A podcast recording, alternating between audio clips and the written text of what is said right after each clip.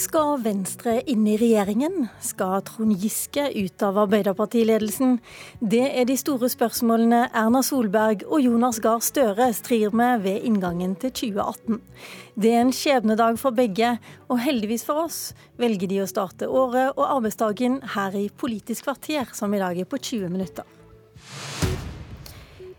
Og vi begynner med deg, statsminister Erna Solberg. Godt nyttår. Godt nyttår. Og velkommen. Takk. Om drøyt to timer så starter regjeringen forhandlinger med Venstre. Det betyr at alle de tre partiene som kaller seg borgerlige, de kan bli samla i én og samme regjering. Men det holder jo likevel ikke til å danne flertall i Stortinget. Hvor viktig er dette for deg, egentlig, å få Venstre med i denne regjeringen din? Hvis jeg først kan rydde litt, så bare si at det er ikke regjeringen som starter forhandlinger. Det er Høyre og Fremskrittspartiet og Venstre som sammen starter forhandlinger om regjeringsplattform. Eh, og det er viktig å si, for det er de tre partiene sammen som kommer med sine prioriteringer for neste periode. Så har vi jobbet mye med sonderinger eh, for å sikre at vi vet hvor eh, de vanskeligste punktene er, men også for å sikre at vi har hatt en diskusjon om hva er de største utfordringene for Norge.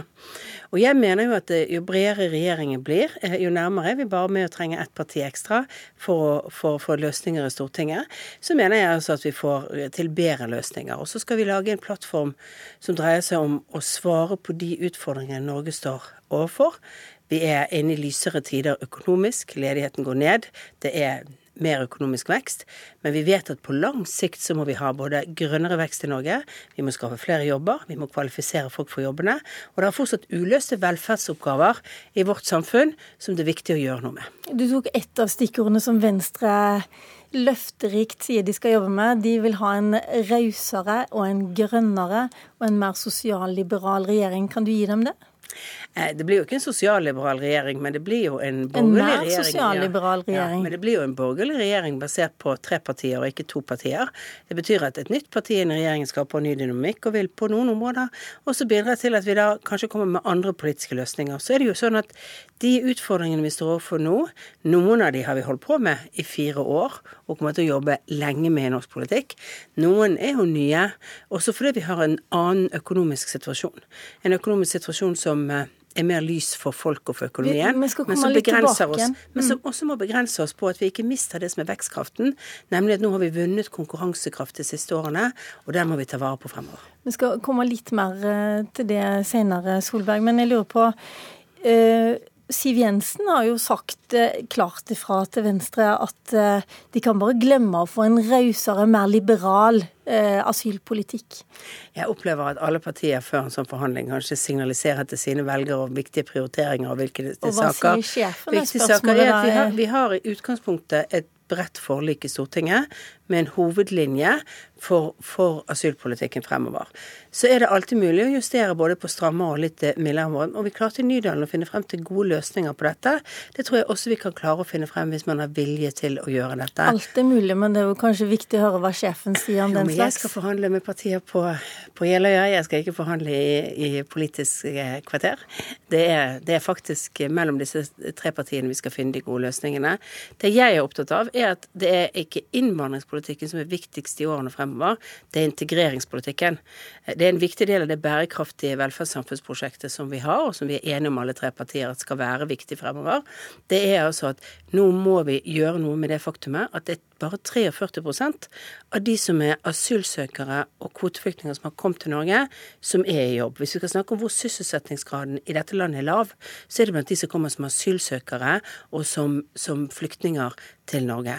Det betyr at vi må selv om vi gjorde mye den gangen jeg var kommunalminister og å lage et nytt system, så må jeg si at vi må alltid se gjennom det systemet godt. Vi må se gjennom om vi leverer godt nok i det. Vi har gjort noen endringer med den integreringsmeldingen som kom i fjor. Eh, de gjennomfører vi nå, men vi er nødt til å ta helt andre steg fremover for å sørge for at eh, vi løfter det potensialet som er i den befolkningen som har kommet til Norge, og som vil komme hvert eneste år fremover, men med dårligere utgangspunkt for å delta i vårt samfunn. Og innvandrere til Norge de har ca. i snitt 60% yrkesdeltakelse. Men de som kommer med den bakgrunnen som vi nå diskuterer, flyktninger og eh, kvote, altså kvoteflyktninger og asylsøkere, mm. de har veldig lav yrkesdeltakelse. Det er vondt for de, og det er ikke bærekraftig for det norske samfunnet. Men når du sier at du skal legge mer vekt på uh, integreringspolitikken, Er det et lettere område å få Fremskrittspartiet og Venstre til å bli enige om, tror du? Ja, jeg tror vi kan klare å bli enige om ganske mye i integreringspolitikken. Men det betyr også at man ha en prioritet, og det er noen av de diskusjonene vi skal ha på på Jeløya. Det er hvordan prioriterer vi, hvilke saker setter vi høyest. Innenfor en annen økonomisk ramme så må vi eh, være tydeligere på prioriteringene på noen områder. Og for meg er det jo viktig at det at folk kan være i jobb, det at folk eh, får muligheten til å bruke seg selv, det at vi kvalifiserer folk i det endrete arbeidsmarkedet vi kommer til å se fremover med teknologiendringer, digitalisering og annet, det må være en viktig prioritering i årene fremover. Nå sitter Jonas Gahr Støre også ved siden av deg, som har veldig mye lyst til å snakke om denne tingen. Men jeg har bare lyst til å si, spørre om én ting først, og det er hvor viktig blir Kristelig Folkeparti i neste omgang? Hvis du får Venstre med på laget, er det da Kristelig Folkeparti du skal beile til etterpå? Altså, Kristelig Folkeparti er viktig for oss. Jeg anerkjenner at vårt eh, utgangspunkt for å si at vi hadde en borgerlig valgseier i høst, inkluderer også KrF KrF har pekt på meg som statsminister. Eh, derfor er det viktig for oss å si at vi vil fortsette å først og fremst gå til KrF og snakke med KrF om saker. Så målet er også å få KrF i regjering? Ja, det vil alltid være mitt mål. Men så har de sagt at de har, vil ha en litt friere stilling. Det betyr også at vi kommer til å ha en friere stilling til hvem vi snakker med. Men jeg mener jeg skal, vi skal være lojale mot at KrF alltid vil være førstevalget vårt. Jonas Gahr Støre, gratul gratulerer, holdt jeg på å si. Det er ikke riktig å si på en dag som denne, men godt nyttår. Dager, ja. God godt nyttår til deg også. Eh, du holder på med større diskusjoner, og mye fokus går på stridigheter i ditt eget parti. Det skal vi komme tilbake igjen til senere i sendingen. Men et lyspunkt i en ellers begredelig høst for Arbeiderpartiet har jo vært at dere har fått en del gjennomslag i politiske saker. Blir det annerledes for dere dersom Venstre går inn i regjeringen? Jeg tror det blir annerledes, fordi jeg syns vi sluttet arbeidet i Stortinget før jul på en veldig god uh, bølge, egentlig. Det var uh, godt arbeid med sakene, gjennomslag i Stortinget for mange av Arbeiderpartiets viktige saker. En helt annen opplevelse av å kunne jobbe i Stortinget enn vi hadde i forrige fireårsperiode. Og Det borger for at vi inn i 2018 kan få til gode løsninger eh, innenfor arbeid, klima, ta hele landet i bruk, en annen samfunnsretning. Eh, og jeg tror at Kristelig Folkepartis friere stilling, nærere samarbeid mellom de andre opposisjonspartiene, gir nye muligheter i året som kommer. Hva sier du nå egentlig? Blir det enda friere stilling for KrF hvis Venstre går med i regjering? Det tydeliggjør det at de er et uh, uavhengig opposisjonsparti. Det er riktig som Erna Solberg sier at de har pekt på henne som statsminister, men vi har jo merket i arbeidet i komiteen og rundt at de er ute etter å få gjennomslag for sin politikk. Og på noen områder så ser de at uten den samarbeidsavtalen de hadde, så står de friere til å finne gode løsninger, bl.a. med oss. Og vi er selvfølgelig åpne for det. fordi vi skal også som andre eh, få gjennomslag for vår politikk. Og de 800 000 som stemte på oss, skal se at vi er eh, hvileløse for å arbeide for det. Men sånn som ståa i Arbeiderpartiet nå, så er dere kanskje ikke den mest attraktive samarbeidspartneren for altså, vi har, vi har en del husrydding å gjøre inne, men eh, huset ser ganske bra ut på utsiden. Fordi vi har eh, god politikk, godt satt opp i Stortinget, kom godt i gang der. Og så får alle partier ta uh, gjennomganger som uh, vi står oppi i nå. Det skal vi klare på en god måte. Og så skal du få se oss uh, sterkt politisk også på nyåret. Allerede 10.1 Erna Solberg, så skal du ta en pause i regjeringsforhandlingene og besøke Donald Trump i USA. Da har du allerede sagt at sikkerhetspolitikken blir en av de viktigste sakene. Jeg går ut fra det blir en av de viktige sakene dere begge skal jobbe med i året som kommer også. Men er du ikke redd for at Trump i så fall skal minne deg på at eh, Norge fyller ikke sine forpliktelser i det hele tatt med å nå 2% av BNP, som er egentlig det du har vært med på å skrive under på, som skal brukes til forsvar? Ja, det er jo sånn at uh, Norge er det landet i Europa som per capita uh, bruker mest penger på forsvar. Altså solid over. Men vi er ikke helt i mål på 2% Og vi uh, øker litt nå. Men det er klart vi har en stor oppbygging av Forsvaret foran oss, som vi jo har en enighet, en ganske bred enighet nå i Stortinget om. Langtidsplanen både for hele Forsvaret, men også den siste vi fikk før jul om, eh, om Hæren og landmakten. Eh, det kommer til å være krevende å skulle finne plass til i alle budsjetter. Men det er viktig å huske at det vi sa i Cardiff var at vi skal snu utviklingen. Vi skal eh, arbeide mot målet for å nå 2% til 2024. Og vi gjør jo det ved at vi øker forsvarsbevilgningene for øyeblikket. Donald Trump syns jo det har vært litt kaldt i jula, og på Twitter så har han lurt på hvor det blir av denne globale oppvarmingen som folk snakker om. Har du tenkt å fortelle han det, eller eh, Er det best å jatte litt med sånn for å oppnå litt mer i sikkerhetspolitikken? Har tenkt, jeg har tenkt å si at hvorfor klimapolitikk er viktig for Norge. Altså hvorfor vi mener at eh, klimaendringene er reelle, og hvilke farer det har. Og at vi, vi ønsker et aktivt USA med i klimapolitikken. Og at Parisavtalen er et viktig rammeverk. Det er en viktig budskap fra oss. Så tror jeg aldri at man går i møter med pekefingeren først. Man går i møter for å snakke, finne felles ting. Og, og USA er vår største allierte. Det er det uavhengig av hvem som er president. Eh, det er den viktigste samarbeidspartneren vi har i Nato knyttet til deler av vår sikkerhetspolitikk. Eh, Bl.a. som forsterkning til Norge i en krigssituasjon. Og det er viktig at vi eh, minner på det, og minner på vår strategiske viktighet. Og så skal vi også vinne på hvorfor, hvorfor fred og sikkerhet mest av alt er tjent med sterke multilaterale organisasjoner. Fordi noe... et internasjonalt regelverk er så viktig. Har du noe råd til Erna Solberg Støre? Hva ville du ha gjort hvis du skulle møte Donald Trump? Ville du ha prøvd det med en liten pekefinger? Foran de tre årene som han har igjen også? Det er en dårlig måte å starte samtale på, det er enig med Erna Solberg i. Eh, men jeg tror det er viktig med Norges posisjon som et land som blir tatt på alvor i Washington. At det blir fremført på en måte som er troverdig. Spørsmål om klimapolitikk, spørsmål om nedrustning, spørsmål om utvikling. At fattigdom er en trussel mot mennesker over hele verden. Disse temaene trenger han å høre fra en eh, alliert helt opp mot Arktis. Eh, og så har jeg den, det rådet som jeg vil gi til Erna Solberg, at uh, bruk nordområdene for alt det er verdt til å fremme flere budskap. Ta gjerne med kart Erna Solberg inn i det møtet eh, og forklare han hvordan det ser ut i nord. Fordi politikere vi tror er veldig opplyste, de vet ofte, nå vet jeg ikke om det gjelder Trump på dette området, kan geografi dårlig. De bør se bildet av Arktis, hvor Norge ligger, hvor sjøveiene er, hvor isen smelter. Her er det et dramatisk budskap om klimaendringer. Det er også en veldig viktig påminning om hvem Norge er, hvor vi ligger, og hvor det allierte er. Og så har jeg alltid ment at eh, det, det, som kan gjøre Norge spennende, det er at vi har gode ideer til ting som lar seg gjennomføre. Eh, regnskogsatsing, eh, initiativet Solberg har tatt for utdanning av unge kvinner, et veldig bra initiativ. Nå mener jeg at tiden kommer til hav. Og det, USA er en havnasjon, en havmakt. Og bør kunne se at Norge her har mye å stille med. Sånne forslag som kan fremmes i et møte som varer altfor kort i forhold til en lang dagsorden, ja, det, det, kan gjøre møtet spennende. Det høres ut som du trenger mer enn ti minutter som du får alene med Donald Trump. Jeg er jo enig om hav. Vi har jo sagt at hav er faktisk et av de absolutt viktigste utenrikspolitiske spørsmål fremover. Det å nå bærekraftsmål nummer 14, som er liv i havet, det er viktig for vår næringsutvikling. Derfor har vi en nasjonal strategi på hav. Men vi har eh, også gjort det til en utenrikspolitisk sak, eh, og jobber intenst med det. Derfor har jo bl.a. vår eh, klima- og miljøminister nå eh, vært med på å dra i land et betydelig arbeid på hav, altså plastikkforurensning i hav. Når vi har dere her på nyttårsintervju, så må jeg også stille et spørsmål om den økonomiske situasjonen. Du åpna nyttårstalen din i går Erna Solberg, med å si at det, det ser lysere ut for Norge nå. Mm. Samtidig så har du sjøl nevnt i dag eh, at det er mange som faller utenfor, både innvandrere, som du har snakket om, men også uføre, unge mennesker med psykiske problemer.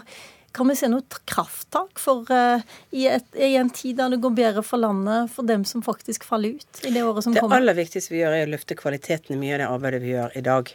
Jeg nevnte f.eks. at vi har en introduksjonsordning som uh, bruker, vi bruker milliardbeløp på introduksjon av, uh, av, innvandrere i Norge, men vi får ikke god nok effekt ut av det. Det er kjempeforskjeller mellom det de beste kommunene gjør. Kommuner som Asker, Kommuner som Molde, kommuner som Fjell i Hordaland, som alle gjør en kjempejobb for mange ut i utdanningene, har over 70 måloppnåelse etter to år eh, på hvor mange som kommer da enten videre i utdanning eller ut i jobb, mens vi har kommuner som har 10, 12 og 15% på dette. Og Det er et milliardbeløp som vi må lære oss å bruke bedre. Vi må ha mer intensiv norskopplæring. Det er på, på, på integreringssiden. Og det, dette dreier seg om kvalitet i det tilbudet og krav vi gjør. og Det jobber vi med nå i regjeringen. Det andre er alt det som dreier seg om påbygg på kvalifikasjoner knyttet til digitalisering og grunnleggende ferdigheter. Jonas Gahr Støre, du har sagt i et romjulsintervju at uh, når livet er kjipt, så liker du å jobbe deg ut av, det, ut av det. Og uh, akkurat nå så er livet kjipt i Arbeiderpartiet, men dere varsler likevel at dere skal bli et tøffere opposisjonsparti. Er det på dette området dere skal bli tøffere? Ja, annet. Men uh, det jeg er urolig for nå, det er jo at vi får en tone som sier at ting er ikke kjipt mer i Norge. Nå er grunnen ting bra. Og så børster vi litt til side alvorlige underliggende utfordringer. Som at vi har en dramatisk uh, svikt i søknad til yrkesfag. At vi har flere som faller utenfor arbeidsmarkedet. Ledigheten kan gå ned, men mange faller også utenfor arbeidsmarkedet. og Dette er tunge trender. Det er viktig å gjøre noe med introduksjonsprogrammet, det er jeg helt enig med. Men det å kvalifisere oss for arbeidslivet med et krafttak der, det tror jeg kanskje er noe av det viktigste vi må komme i gang med. Men vi kan, vi kan, ikke se pessimistisk på alt hele tiden. Vi må faktisk rose det. Det er flere som gjennomfører videregående skole. Fraværet er lavere. Det er altså lavere arbeidsledighet. Av og til må vi glede oss over det som går bra. Vi har to år nå hvor vi har hatt pessimistiske nyttårstaler. Det var bra å ha litt positivitet også inn i Norge av og til. Hjertelig takk skal du ha, Erna Solberg, og, og god tur til Jeløya, der forhandlingene starter klokken ti, altså. I går kveld ble det kjent at Trond Giske fritas fra vervet som nestleder i Arbeiderpartiet på ubestemt tid, og det skjedde et halvt døgn før sentralstyret samles til ekstraordinært møte for å diskutere varslene om upassende oppførsel fra nestlederen. Først, eh, Støre, hva betyr det at Trond Giske fritas? fritas? Da er han ikke nestleder i Arbeiderpartiet, fungerer ikke som det. Han er valgt av det eh, fra landsmøtet. Eh, men når han fritas på ubestemt tid, så vil han ikke fungere i rollen som nestleder med de ansvar og plikter det har. Vil han være finanspolitisk talsmann? Ja, Det skal vi nå diskutere i Stortinget, men dette er i forhold til vervet han er valgt til som uh, nestleder av landsmøtet. Hvor jeg fant nødvendig å gi det råd at han burde fritas fra det på ubestemt tid. Det var et råd han var enig i i situasjonen som nå er. så er han ikke i stand til å gjennomføre. Men det var du som ba han om det? Ja, og det var en sak vi også da ble raskt enige om. Eh, vi har ikke kommet i kontakt med Trond Giske, han er fortsatt sykemeldt. Men på Facebook kommer han med knallharde beskyldninger om at det er sendt inn flere grunnløse og falske varsler, med påstander og beskrivelser han på det sterkeste bestrider. Er du kjent med at det foreligger falske varsler? De varslene jeg forholder meg til, tar jeg på alvor. Jeg tror på dem og leser dem og behandler dem i tråd med våre retningslinjer. Hva som figurerer i mediene av påstander her og der, vil egentlig ikke jeg kommentere. Det jeg tar på alvor, er varsler vi har fått inn fra kvinner som har stått fram, fortalt sine historier. Eh, de skal jeg tro på og gå igjennom, men så har jeg også et ansvar, for vi er en rettsstat, at den det varsles mot, får gi sin historie. Derfor tar dette noe tid. Hver historie skal oppsummeres og konkluderes. Eh, det er kommet flere varsler etter rett før jul. Det gjør at det har tatt noe tid. Giske har vært sykemeldt. Nå skal vi ta hans fortelling på hver av historiene. Det skal varsleren igjen få anledning til å kommentere, og så må vi oppsummere. Så på hvert varsel skal vi oppsummere om vi mener det har vært, grunn, om det har vært seksuell trakassering eller brudd på andre regelverk som vi eh, legger vekt på, eller verdier vi legger vekt på. Men sier du nå at eh, ingen av de varslene som har kommet inn til deg og til partiet, er grunnløse eller falske? Jeg ikke, kan ikke konkludere med det. Uh, hva tenker du om at han skriver dette på Facebook-sida si? Nå er jo det, uh, Jeg har jo forståelse for at Trond Giske, som har opplevd et hardt mediekjør, uh, har vært sykemeldt, har behov for å meddele seg, si fra hvordan han opplever den situasjonen. Og det han også da sier, det er at disse varslene er systematisk lekka til mediene? Det har vært lekkasjer det? Nei, det kan ikke jeg, vil ikke jeg kommentere her nå. Det er klart at I en sånn situasjon vi er i nå, så kommer det uttalelser til medier med og uten navn. Eh, det er aldri heldig med eh, anonyme kilder, men vi kjenner jo godt eh, fra mediene. Jeg advarer mot det, fraråder det. Mener vi skal ha, kunne åpne og troverdige prosesser. Og så får han kommentere det som han vil. Det er hans rett. Jeg vet ikke hvor varslersakene Giske omtaler kommer fra. Det vet vi vel egentlig ingen. Bortsett fra en varselsak som en 18-åring som er omtalt her i Dagsnytt og Politisk kvarter før jul, den kommer ikke fra noen i Arbeiderpartiet Vet du noe med de andre? Er dette del av en maktkamp? Jeg, jeg, forholder meg til disse sak for sak. Hva er det kvinnene forteller? Hva har de opplevd? Eh, det er mye støy rundt disse sakene, og det kan du forstå.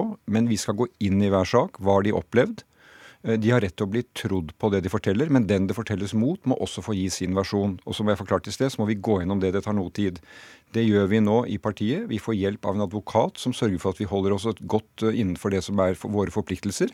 Og så får vi ta den tiden det trenger. Det bør ikke ta veldig lang tid, men det måtte ta noe tid. Bl.a. fordi det har kommet noen flere varsler, og fordi eh, vi har vært i romjul og Giske har vært sykemeldt. Men vi skal jobbe fullt trykk med det nå. Hva sier du til de som sier at, eh, i partiet sier at vi vet absolutt nok til å konkludere?